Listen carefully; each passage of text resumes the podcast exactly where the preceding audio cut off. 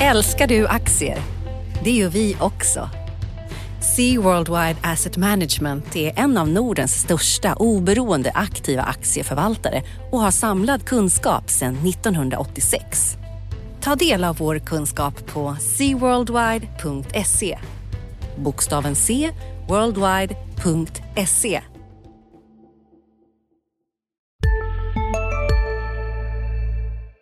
Analyspodden presenteras i samarbete med Lendify. Genom att investera i lån till kreditvärdiga låntagare kan du bredda din portfölj med en ränteplacering som inte korrelerar med börsen. Den genomsnittliga årsavkastningen de senaste 12 månaderna har varit cirka 6% efter kreditförluster och avgifter. Lendify har tillstånd från Finansinspektionen och några av landets främsta institutioner och entreprenörer som investerare. Läs mer på lendify.se. Analyspodden från Dagens Industri. Hej allihopa och varmt välkomna till Dagens Industris analyspodd med Magnus Dagel på andra sidan bordet och med mig Henrik Mittelman. Idag ska vi gratulera en 350-åring det ska vi. Ja. Och inte vilken som helst. Eller hur? Och du ska dit då? Inbjuden? Nej, jag är inte inbjuden. Nej, vi tänker alltså på Riksbanken, världens äldsta centralbank som nu fyller 350 år idag. Och firar med seminarium och eh, lite annat spännande. Ja, och de bjuder inte in Sveriges bästa ekonomijournalist. Ja, det var snällt sagt. Ja. Nej, men eh, jag tror att de är lite trötta på mitt gnällande över minusräntorna. Ja, jag tror det är så. Ehm, men eh, det är ju en eh, i övrigt ganska pigg centralbank som trots allt har, har eh, funnits under väldigt lång tid. Nu är man ute på ett eh, fantastiskt penningpolitiskt experiment med minusränta mitt i högkonjunkturen. Och jag vet Magnus, du är väldigt intresserad av eh, fastighetsmarknaden. Ja, och eh, jag fick ju mitt lystmete förra veckan. Jag var i London där på Eh, en stor konferens där med Business Arena. Eh, väldigt spännande. Många, mycket fastighetsbolag, mycket internationella investerare som var där. Som pratade dels om svenska fastigheter men också generellt om eh, ja, fastigheter i Europa och så. Så det var, det var kul eh, tycker jag. Men eh, det, det, är några trender som slår en där. Det, det, är ju att det är ett väldigt stort intresse för kontor i, i, i storstäderna och det är väl en högkonjunktursgrej kan jag tänka mig. Vakansgraden i Stockholm var under 2 procent. Under 2 procent? Ja. Har det någonsin varit det? Nej, jag tror inte det. Jag tror det var under två, runt 2 procent där i IT-håsen där precis 99-2000 där. Men eh, nu, eh, nu har det byggts så lite kontor säger de för att eh, all, alla hantverkare har gått åt till att bygga bostäder. Men nu får vi se kanske om bostadsmarknaden viker ner här och att det startas betydligt mindre. Då kanske det blir lite mer kontorsstartar där nu. För det känns som att ofta så talar man om att den svenska fastighetsmarknaden är lite under isen, men det är ju en felaktig slutsats, utan det är bostadsmarknaden som har fallit. Ja, ja. och det är framförallt bostadsrätter då, för det är väldigt stort intresse för svenska hyresrätter också och det, så, det såg man där att eh, det är, en, det är en trend att internationella investerare vill åt svenska hyresrätter då. Men, men det är bostadsrätter, framförallt nyproducerade som är iskalla då. Och det, det har man ju sett de senaste tiden här med, med, med ett stort intresse för Victoria Park bland annat med, med, med Vonovia där då, eh, som, som köper. Och eh, en, en intressant take på det med, som har koppling till Riksbanken då, det, det är ju att euron har fallit så mycket och att det blir betydligt billigare att köpa svenska bolag. Eh, men jag såg att den på du menar att kronan har fallit mycket? Ja, kronan ja. har fallit ja. ja. Eh, och det är väl mycket Riksbankens politik antar jag. Vad tror du? Det tror jag absolut. Ja. Man skulle ju enligt alla teoretiska modeller så skulle man ju tro att kronan nu borde stärkas ja. eftersom vi har bytesbalansöverskott och vi har relativt fin tillväxt och vi har statens finanser som är i väldigt gott skick. Eh, statsskuld i år som faller ner till 26 procent av BNP. Vi är till och med bättre än Schweiz.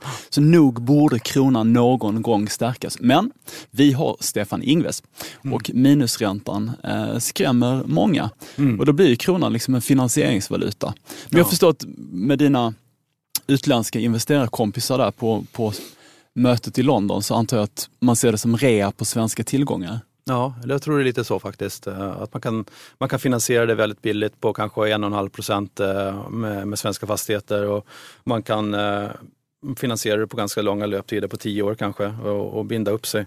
Eh, så, så det, se, det, såg man. Och en annan trend var också att eh, förutom då bostäder, kontor i storstäderna, att eh, väldigt stort tryck på lagerfastigheter och logistik i e-handelns spår. Eh, och det var väldigt tydligt i London där att det är väldigt kraftig tillväxt just för eh, sista last mile brukar de säga, att de, alltså lager som ligger nära eh, uthämtningsställena. Uh, väldigt stort tryck där och priserna går upp kraftigt på de här och det är någonting man ser i Sverige också. Så. Men du Magnus, om man ser det här utifrån ett investerarperspektiv, eh, många, du och jag och många av våra lyssnare är ju naturligtvis intresserade av placeringar. Eh, hur ska man se på, på fastighetsbolagen på Stockholmsbörsen nu? Nej, men att de mår väldigt bra fast de är, priserna är höga. Eh, och det, det, ser man ju både bostäder, eh, kontor, jag tycker överallt. Att, eh, att det är låga avkastningskrav generellt. Men det har man sagt några år nu och det fortsätter bara tuffa på. Eh.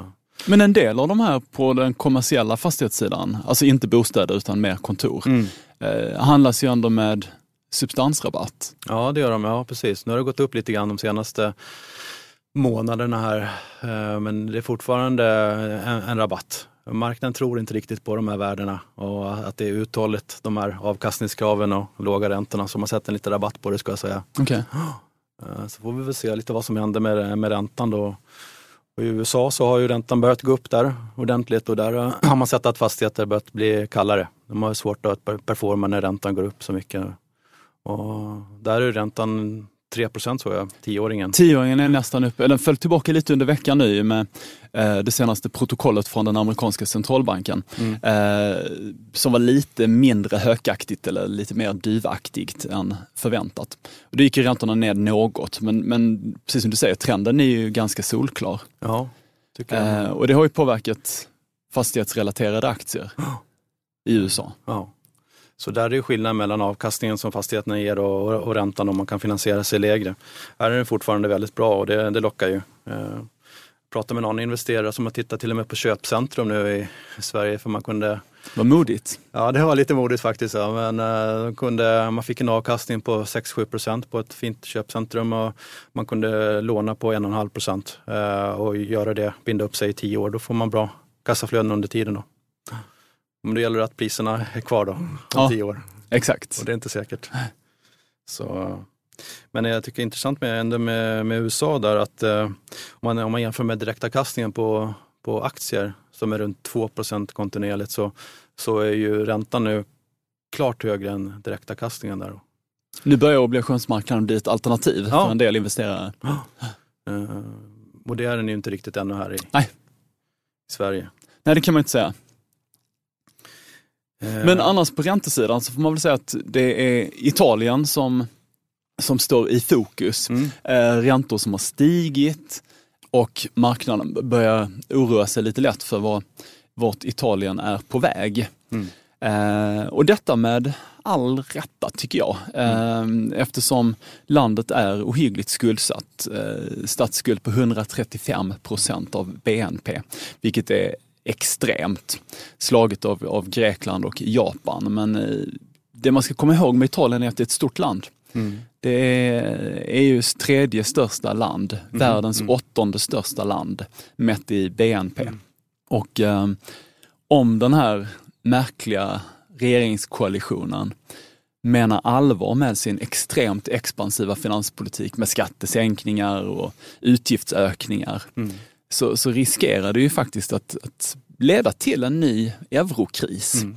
Det kan låta lite dramatiskt och jag vill absolut inte måla fan på väggen men det här är ett så pass stort land. Grekland var ett pytteland eh, och den krisen kunde vi hantera. Mm. Eh, och sannolikt kommer vi kunna hantera Italien också men mm. det här ska vi hålla ögonen på. Mm. Men jag läste en intressant grej med Italien, att det var ett av världens rikaste folk faktiskt. Mm, att mm. Just skuldsättningen bland privatpersoner var ett av de lägsta i ja, jag vet inte, Europa eller i världen också. Att många har väldigt, väldigt, väldigt låg belåning på sina fastigheter, om de, om de ens har någon belåning. Så det, det kan ju motverka att befolkningen är lite mer stabil då. Ja. ja, men det finns ju det här, det finns ju många nationalekonomiska sanningar som visar sig vara, bli osanningar. Men, men eh, någonting som faktiskt verkar fungera är ju den här idén om att det är om, om staten är väldigt skuldsatt mm. eh, så tenderar hushållen att spara. Mm. och vice versa. Och där är ju Italien och Sverige väldigt spännande tycker ja. jag. Svenskarna extremt skuldsatta, mm. eh, privatpersoner extremt skuldsatta, medan statens finanser är fantastiska. Och sen har vi Italien, raka motsatsen. Ja. Hushållen, fina balansräkningar. Eh, och då staten som är helt under isen. Ja. Så den totala skuldsättningen är faktiskt en ganska likartad, ja, Sverige och Italien. Mm. Väldigt intressant. Ja. Men sen är det klart, återigen, alltså de här parallellerna till Grekland är ju, haltar ju i den bemärkelsen att, att Italien är ju ett, på mång, i mångt och mycket ett väldigt välfungerande land. De har ju fantastiska företag. Norra Italien, ja, delar av norra Italien är, är ett av, finns ju regioner där som är bland de mest framgångsrika i hela världen. Ja. Eh, medan man har södra delen som påminner mer om, om Grekland. Ja. Men som sagt, alla som lyssnar på DIs analyspodd får hålla ett öga på Italien framöver. Mm. För det mm. kommer att spela roll. Om, om vi går lite mer tillbaks till, eh, till, till Sverige då och, och Stockholm eh, tyckte jag var intressant där i London också om att det var ett föredrag att, att Stockholm växer så pass snabbt. Eh, de nämnde det att Stockholm växer över 6 procent, eh, alltså nästan Kina-nivåer. Och det är ju otroligt. Jag tror du har skrivit om det bland annat. Mm. Och då kan man ju undra vad, vad är inflationen i Stockholm om, om det växer så pass snabbt? Och eh, jag tycker man ser lite överhettningstendenser lite här och där.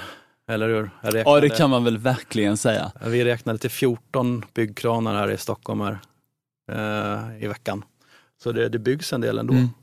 Det byggs en del. Ja, men, men, men det, och det är väl det här liksom, valet som Riksbanken har stått inför. Att det går inte att få upp någon sorts generell inflation i Sverige eftersom vi har global konkurrens, vi har internet och vi har robotisering, automatisering ja. och så vidare. Men, men den här minusräntan måste ju pysa ut någonstans. Eh, och det är väl en rimlig gissning att tänka sig att den pyser ut i till exempel Stockholm. För här börjar det hända saker. Alltså, det ser vi ju bara om man tittar på utvecklingen på lunchpriserna i Stockholm ja. eller när man går till frisören eller vad det nu kan vara. Det är de... Jag går inte till frisören. Nej, det går inte så mycket till frisören. Men vi andra, där ser man ju verkligen en acceleration i priset. Så de här inhemska tjänsterna, där får vi ju upp inflationen. Ja. Och där har vi en rejäl inflation. Ja. Uh, och det intressanta nu är ju när vi kombinerar detta med den väldigt svaga kronan mm. och sen ett oljepris som har gått upp får vi liksom en inflationsbrasa, ett lite väl eh, aggressivt uttryck. Men det kanske blir en liksom uppställd inflation under de närmaste månaderna. Mm, det kanske är så. Men det är kanske är en del av urbaniseringstrenden så det kommer bara fortsätta. Man såg också på fastighetsseminariet att det var väldigt stort, alltså fastighetsintresset är mer och mer koncentrerat till, till storstäderna, mm. till, till London i Storbritannien och i ännu mer i Frankrike, att det är koncentrerat till Paris och lite Lyon. Då, men, uh, så, så, det är nog en urbaniseringstrend som mm. lär fortsätta. Och det kanske, tillväxten fortsätter helt enkelt för Stockholm, men vem vet? Det ser väldigt stabilt ut och arbetslösheten i den här delen av, av Sverige är ju marginell. Mm. Eh, sen har vi som bekant andra problem. Mm. Det reser en annan fråga som vi pratade om att vi skulle vilja diskutera lite här idag. Eh, och det är ju valet i september. Mm. Nya opinionsundersökningar som ju tyder på att Socialdemokraterna Sista dagarna nu på vårens stora season sale. Passa på att göra sommarfint hemma, både inne och ute. Och fynda till fantastiska priser. Måndagen den 6 maj avslutar vi med Kvällsöppet i 21. Välkommen till Mio. CSRD, ännu en förkortning som väcker känslor hos företagare. Men lugn, våra rådgivare här på PWC har koll på det som din verksamhet berörs av. Från hållbarhetslösningar och nya regelverk till affärsutveckling och ansvarsfulla AI-strategier. Välkommen till PWC. Demokraterna backar rejält, Centern backar också, det är flykt till Sverigedemokraterna. Och den stora frågan för oss som inte direkt är politiska analytiker utan mer intresserade av hur, hur detta påverkar ekonomi och börs. Mm. Det vill, spelar riksdagsvalet någon roll? Nej, ska jag säga. Min erfarenhet är att det inte brukar göra det. För att svenska exportbolag är så, eller svenska börs, stora börsbolag är så utlandsberoende? Ja, det, det är min erfarenhet att eh, jag har väl hållit på med det 20-25 år nu, men eh, jag tycker det är förvånansvärt lite påverkan eh, av riksdagsval. Det är klart om det händer några väldigt stora förändringar. Om eh, Sverigedemokraterna skulle bli största parti kanske det händer någonting med räntorna eller är så i Sverige kanske. Eller förnyad kronkris, ja. vem vet? Eller vad tror du? Ja, men jag delar din uppfattning och det är klart att tittar vi på liksom OMX30 eh, så undantar vi snus och bank eh, så är det ju inte mycket svenskt. det, det, det är ju mer beroende naturligtvis av, av sin omvärld. Um, samtidigt så har det ju kommit upp en del diskussioner nu eh, som, som väl kan vara lite intressanta för framtiden. Alltså, jag tänker till exempel på eh, förändringar i ränteavdragsmöjligheter. Och mm. Kan vi få se någon, den typen av reformer mm. framöver? Mm. Eh, där i veckan har, har, sex av åtta riksdagspartier flaggat för att man skulle kunna tänka sig en, en nedtrappning av ränteavdrag. Mm. Men det eh. händer ingenting, de bara pratar som vanligt. Ja, och, och, Socialdemokraterna och Moderaterna är de som tvekar. Och Moderaterna, anledningen till att Moderaterna tvekar är att Anders Borg luftade ju detta för, mm. i förra valrörelsen, eller för förra valrörelsen. Eh, och eh, det blev ju ramaskri ja. och sen fick han eh, bli, bli tagen i örat mm. av Fredrik Reinfeldt. Mm. Så det är väl ingen som riktigt vågar ta tag i de här delarna nu. Men någonting måste man förmodligen göra efter valet med, med bostadsmarknaden nu. Ja. Och där har ju Stefan Ingves i, i sann planekonomisk anda nu föreslagit att man skulle ha eh, obligatorisk eh, förlängning av bostadslånen. Eh, alltså i praktiken tvinga svenska hushåll att binda sina boräntor. Ja, det är lite konstigt. Det är lite så stor, storebror ser dig, eller hur? Ja, det, det, är ju en del av det som vi är med om just nu. Att vi, vi, vi på något sätt accepterar att centralbankerna ska få så väldigt, väldigt mycket makt. Mm. Eh, och där är det ju intressant att Stefan Ingves ser sin makt som så pass obegränsad att han till och med kan föreslå en sån här sak som förändrar ens privatekonomi mm. ganska, mm. på ett ganska radikalt sätt. Mm. Men de är väl oroliga i och med att svenska folket har så, så pass uh, mycket rörlig, rörliga lån. Ja. Och det kan man ju förstå. Mm. Å andra sidan så kanske man då skulle tänkt på det lite grann innan man tog bort räntan. Mm. Uh, att det kanske finns en viss koppling mellan ränteutvecklingen och mm. efterfrågan på nya bolån. Ja. Men jag tycker mycket man pratar med kompisar så är de oroliga över vad som händer vid, om vi skulle få en internationell lågkonjunktur som sprider sig vidare till Sverige. Och Sverige har en väldigt konjunkturkänslig eh, balansräkning. Eh, vad, hur, skulle, hur skulle Riksbanken och, och regeringen parera det tror du? Om? Om vi skulle få en internationell lågkonjunktur. Ja, men det är ju det som är utmaningen här. Att vi, vi, utmaning är ett felaktigt ord, man ska säga som det är. Det är ett stort problem. Mm. Ett riktigt stort problem. För att när vi väl kommer in i nästa lågkonjunktur, om vi inte har lyckats få upp räntenivåerna något, mm. vad ska vi göra? Mm. Visst, regeringen kan fläska på med lite mer expansiv finanspolitik. Det har vi utrymme för. Um, men, men räntevapnet är ju... Mm. Ja, man kan inte sänka räntan mer, eller Nej, jag tror att det skulle bli väldigt besvärligt. Jag tror det är snarast kontraproduktivt. Ja. Eh, så att mot den bakgrunden så har vi ju rätt stora problem. Ja. Eh, så för Riksbanken och för oss svenskar så får vi bara hoppas att den här konjunkturen fortsätter att mm. gå ganska bra under lång tid. Mm. Och med tanke på hur konjunkturkänslig den svenska budgeten är också eh, så, så, skulle det kunna bli väldigt stora problem. Precis, och det är klart att det hänger ihop med att vi har fortfarande väldigt höga skatter och mm. då, då, blir ju per definition mm budgeten väldigt konjunkturkänslig. Eh, även ifall det är mindre nu än, än tidigare eftersom vi har fått ner skattetrycket mm. något. Som ett företag med stora fasta kostnader. Just det, mm. exakt. Men du, det för väl oss eh, osökt in på, på nästa veckas eh, händelser. Ja. En rad konjunkturindikatorer, men först någonting om vad får vi på företagssidan? Ja, det är inte mycket du.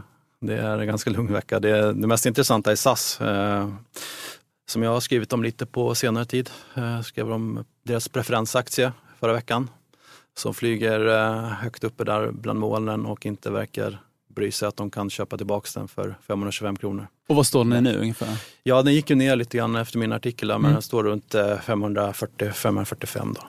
Och vad är rådet där?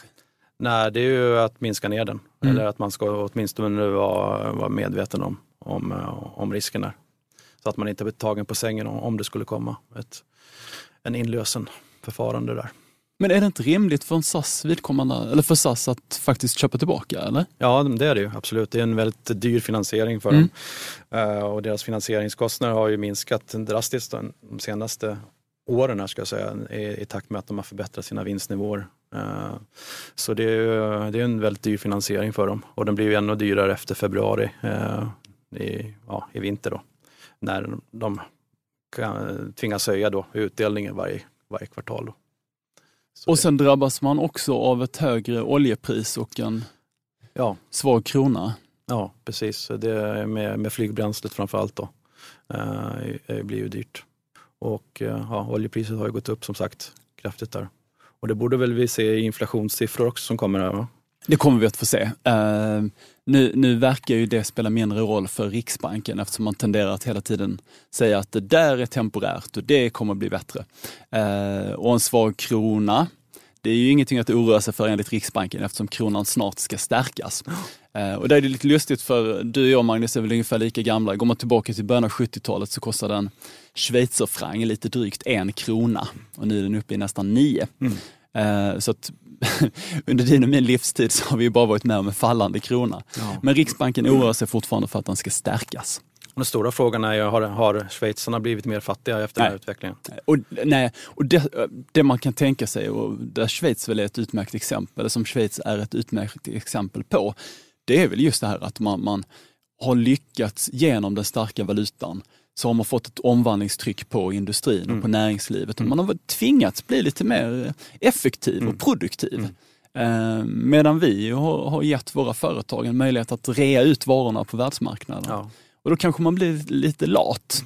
Devalvering är sann svensk anda. Ja, devalveringsromantiken lever kvar i Sverige. Mm. Men Så det är SAS, ingenting annat som du har på din agenda? SAS-rapport då, ja. och det kommer ju bli tuffare för dem att, nå sin eh, vinstprognos för hela året. Allt annat lika med, med den här oljeprisuppgången som har varit och flygbränsleuppgången givetvis. Eh, så får man se hur, det, hur mycket de hedgar och så vidare. Men det blir det intressantaste i, i rapporten, tycker jag. Eh, kommer på onsdag där. Onsdag har vi den? Ja. Och sen på makrofronten så har vi eh, framförallt fredagen nästa vecka, eh, den första juni, då vi får eh, bland annat amerikanska sysselsättningssiffror, mm. alltid viktiga. Mm. Och eh, marknaden ligger kvar på att man, ska, man förväntar sig en 175 000 nya jobb. Det viktiga här är ju att se ifall börjar vi få lite löneacceleration eller mm. inte. Eh, och mycket tyder på att det inte riktigt är här än. Nej. Eh, utan det finns nog lite ledig kapacitet. En del sådana här människor som har, arbetslösheten är ju väldigt låg. Ja. Så där skulle man ju spontant tycka att nu finns det möjlighet att höja löner. Mm. Men, men eh, det finns rätt många människor som lämnade arbetskraften mm. under de värsta åren. Mm. Under finanskrisen.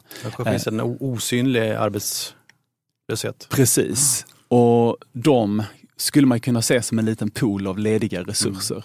Mm. Mm. Eh, vilket möjligen gör att det, det, dröjer lite till innan vi får se löneökningar mm. i, i någon högre omfattning mm. i USA. Mm. Och, eh, men förutom dessa siffror på fredagen så har vi också inköpschefsindex, också detta på fredag nästa vecka, alltså den första juni, eh, från i praktiken hela världen. Vi har fått de preliminära siffrorna från euroområdet mm. redan, men vi får bland annat den amerikanska ISM. Eh, som ju är en av de bästa konjunkturindikatorerna i världen mm. med track record tillbaka till 1948. Och eh, den har ju mattats lite de senaste månaderna, precis som allting annat. Mm. Och här är det väl Lite, från höga nivåer ska vi säga. Från mm. väldigt höga nivåer, det är väldigt bra att du påpekar det. Och där ska man komma ihåg att frågan är ifall glaset är halvtomt eller halvfullt. Mm. Eh, det är halvfullt i den bemärkelsen att vi är på höga nivåer och det indikerar fin mm. tillväxt. Mm. Men momentum har ändrats mm. i större delen av världen där det har gått ner lite. Så därför blir det väldigt intressant att se nästa veckas siffror tycker jag. Och vi får även, från svenskt vidkommande så får vi också BNP-tillväxt för kvartal 1, eh, mm. säkert en okej okay siffra. Vad tror du den landar på? Alltså, konsensus nu ligger på att den ska ligga någonstans runt 3 procent. Mm. Det är fina siffror. Mm. Um, Konsumentförtroendet får vi också nästa vecka. Och det har ju mattats också från väldigt höga nivåer, mm. men har kommit ned. Mm. Um, och det, det, ska vi hålla ett öga på. Kan det vara bostadsdebaclet uh, som har pressat ner det kanske? Jag tror det. Mm. Uh, där, där, tror jag att vi, det har påverkat sentimentet mm. något. Uh, och Ja, men I olika undersökningar så tyder det på att vi svenskar har blivit mindre, mindre optimistiska. Mm. Inte pessimistiska, men vi har blivit mindre optimistiska. Mitt i högkonjunkturen. Mitt i högkonjunkturen. Ja. Det är också intressant. Ja. Men det är lite det som, det är ju lite den glädjelösa boomen vi befinner oss mm. i. Verkligen. Någonting annat vi bör ta upp idag? Fredag, 25 grader varmt. Kan just det bli det. bättre? Bra för dagligvaruhandeln. Ja, just det. kommer bli världens boom när majsiffrorna kommer ut. Det enda som kunde vara bättre det är ju en inbjudan till Riksbankens 300 Exakt, men jag tror att vår, vår, eh, vår kollega Johanna Jansson har säkert fått det. Ja, just det. Hon är, hon, hon är, är lite snällare. Mer, ja, hon är mer rumsren. Ja. men då har vi alltså pratat om fastighetsmarknaden, utlänningar som har stort intresse i Sverige, ja. bland annat för att den svenska kronan är svag. Ja. Så de har ingenting emot att shoppa loss i Sverige. Nej. Och det kanske är en lite ny trend. Alltså, man kommer ju osökt in på eh, Paypal, iSettle.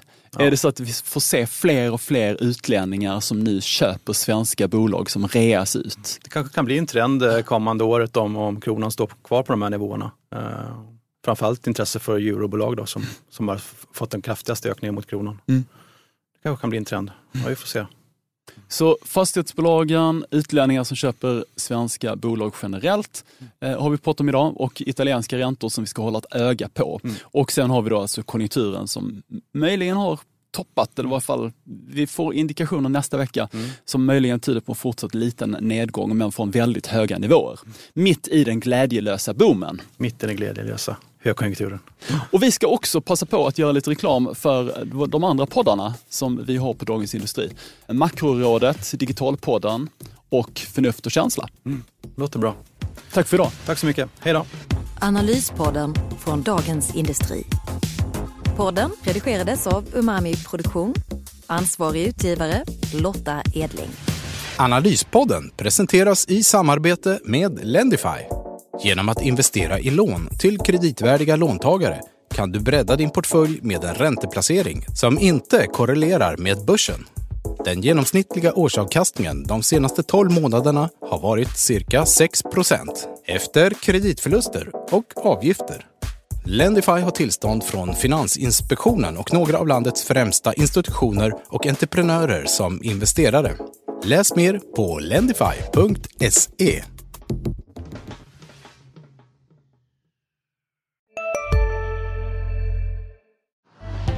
Älskar du aktier? Det gör vi också. Sea Worldwide Asset Management är en av Nordens största oberoende aktiva aktieförvaltare och har samlad kunskap sedan 1986. Ta del av vår kunskap på seaworldwide.se. Bokstaven C, worldwide.se